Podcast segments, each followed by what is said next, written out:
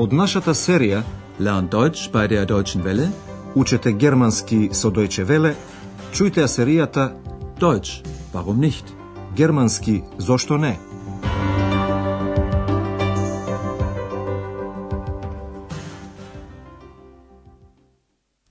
Драги слушателки и слушатели, денес ќе ја слушнете лекцијата 23 од серијата 3 со наслов Славната болница Шарите, Die berühmte Charité. Во минатата емисија, Андреас ни ги пренесе неговите впечатоци од Александар Плац. Слушнете еден дел од неговото писмо и внимавајте на придавките, кои во германскиот јазик имаат наставки, доколку стојат пред именки. Heute war ich in Ostberlin, auf dem berühmten Alex. Schon von weitem sieht man den hohen Fernsehturm. 365 Meter ist er hoch. Der Alex ist ein großer Platz. Groß und kolossal. Hm, aber ziemlich leer.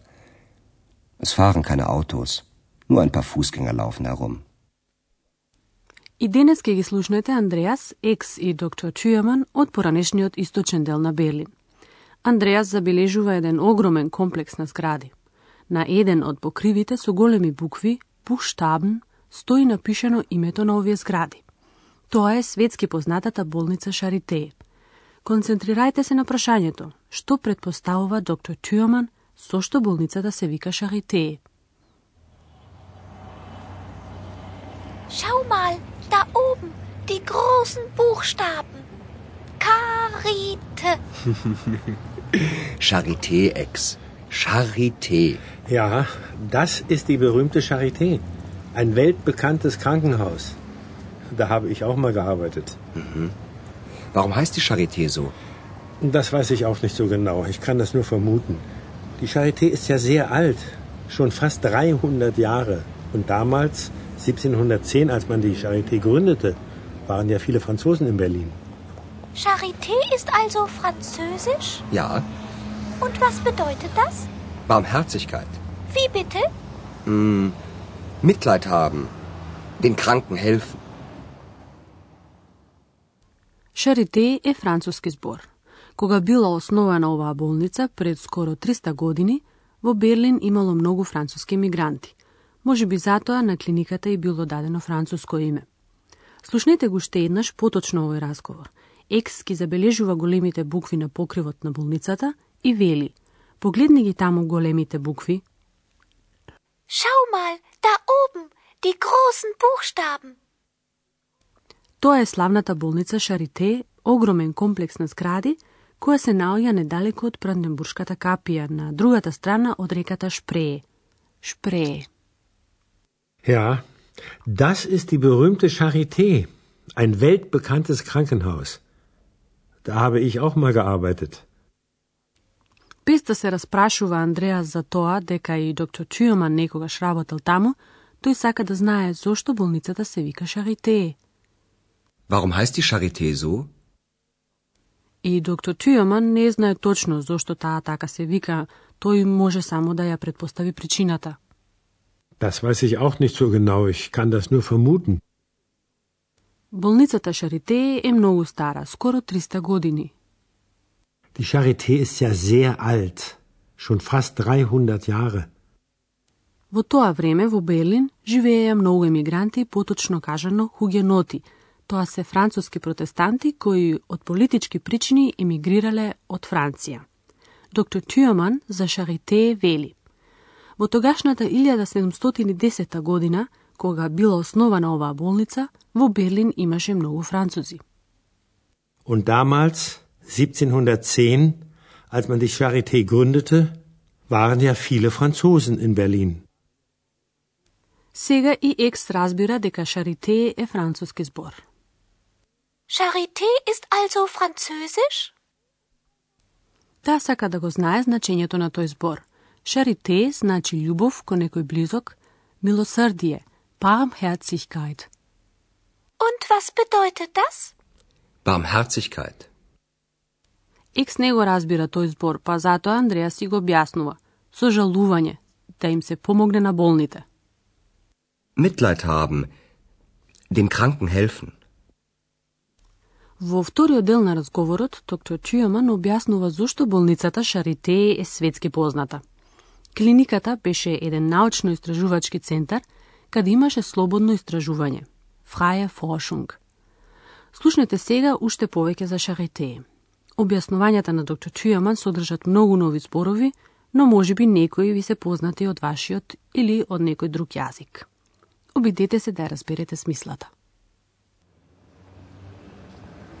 Und warum ist die Charité so berühmt? Die Charité war ein weltbekanntes Forschungszentrum. Man hat schon sehr früh komplizierte Operationen gemacht. Aber nicht nur das. Es gab eine freie Forschung.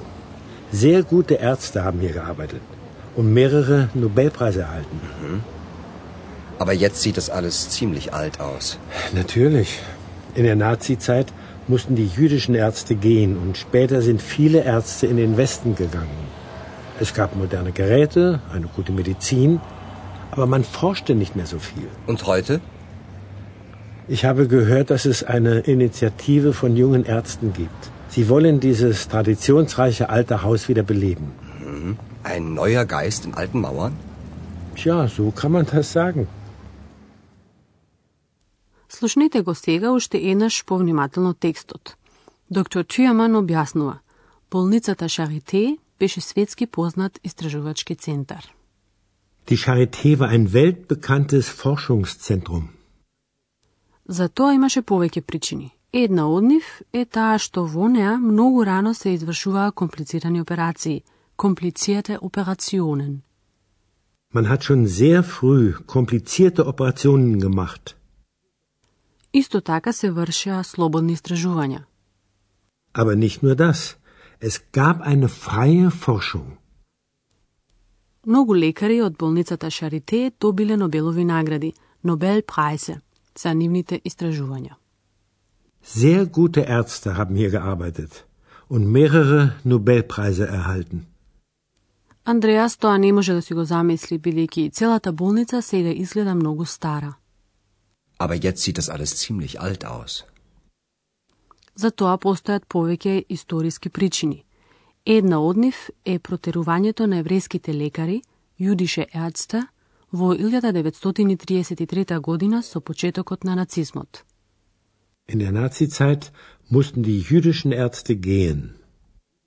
Со завршувањето на Втората светска војна и со поделбата на Германија на два дела, многу лекари отидоа во Западна Германија. Und später sind viele Ärzte in den Westen gegangen. Како последица на тоа, немаше веќе толку многу истражувања. Медицинските услуги во Германската демократска република не беа толку добри како во Сојузна република Германија со исклучок на Шарите. Доктор Чујаман објаснува. Имаше модерни уреди и добра медицина, но немаше веќе толку истражувања. Es gab moderne Geräte, eine gute Medizin, aber man forschte nicht mehr so viel. По обединувањето на Германија од 1990 година постои една иницијатива, иницијативе од млади лекари. Und heute? Ich habe gehört, dass es eine Initiative von jungen Ärzten gibt. Доктор Чујаман ја објаснува целта на оваа иницијатива. Тие сакаат оваа стара куќа со традиција повторно да ја оживеат. Sie wollen dieses traditionsreiche alte Haus wieder beleben. Андреа спрашува, нов дух во стари зидови? Ein neuer Geist in alten Mauern? Да се надеваме дека тоа ќе успее.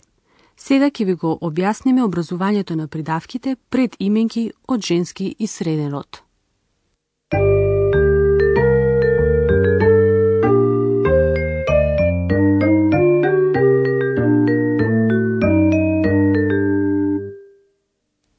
И денес ќе се задржиме на придавките кои стојат пред именките. Тие имаат различни наставки кои зависат од родот на именката. Исто така е важно дали членот пред именката е одреден или неодреден. Слушнете ги најнапред придавките по одреден член во еднина.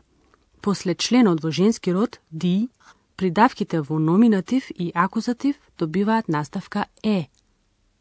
Die Charité. Die berühmte Charité. Das ist die berühmte Charité. И после одредениот член од среден род, das, придавките во номинатив и акузатив добиваат наставка е. Das Haus. Das alte Haus. Sie wollen das alte Haus wieder beleben. Наставката на придавката, после неодреден член eine, пред именкиот женски род е исто така е. Eine freie Forschung. Es gab eine freie Forschung. Наставката на придавката после неодреден член ein пред именкиот среден род гласи es. Ein weltbekanntes Forschungszentrum. Die Charité war ein weltbekanntes Forschungszentrum.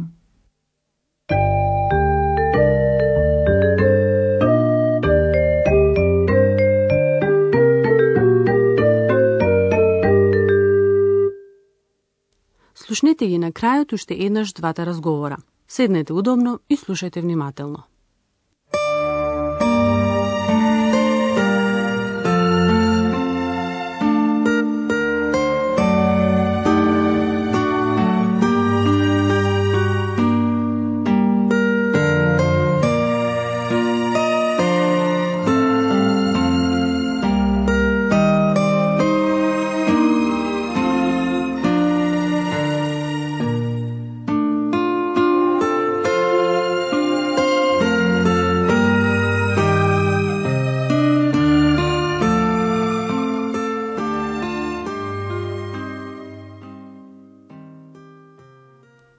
Тројцата зборуваат за тоа како болницата Шарите го добила своето име. Schau mal, da oben, die großen Buchstaben. Karite. Charité, Ex. Charité. Ja, das ist die berühmte Charité. Ein weltbekanntes Krankenhaus. Da habe ich auch mal gearbeitet. Warum heißt die Charité so? Das weiß ich auch nicht so genau. Ich kann das nur vermuten. Die Charité ist ja sehr alt.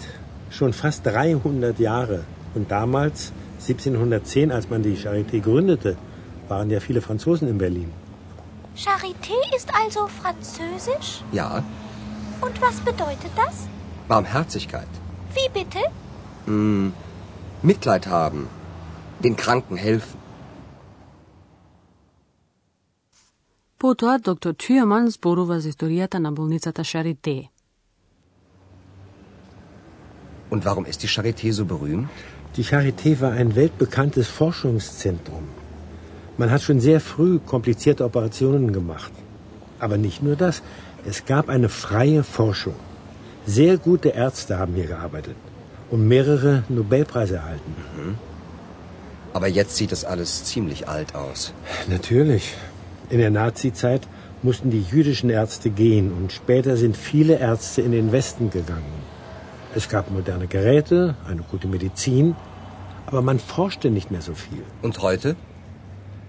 Ich habe gehört, dass es eine Initiative von jungen Ärzten gibt. Sie wollen dieses traditionsreiche alte Haus wieder beleben.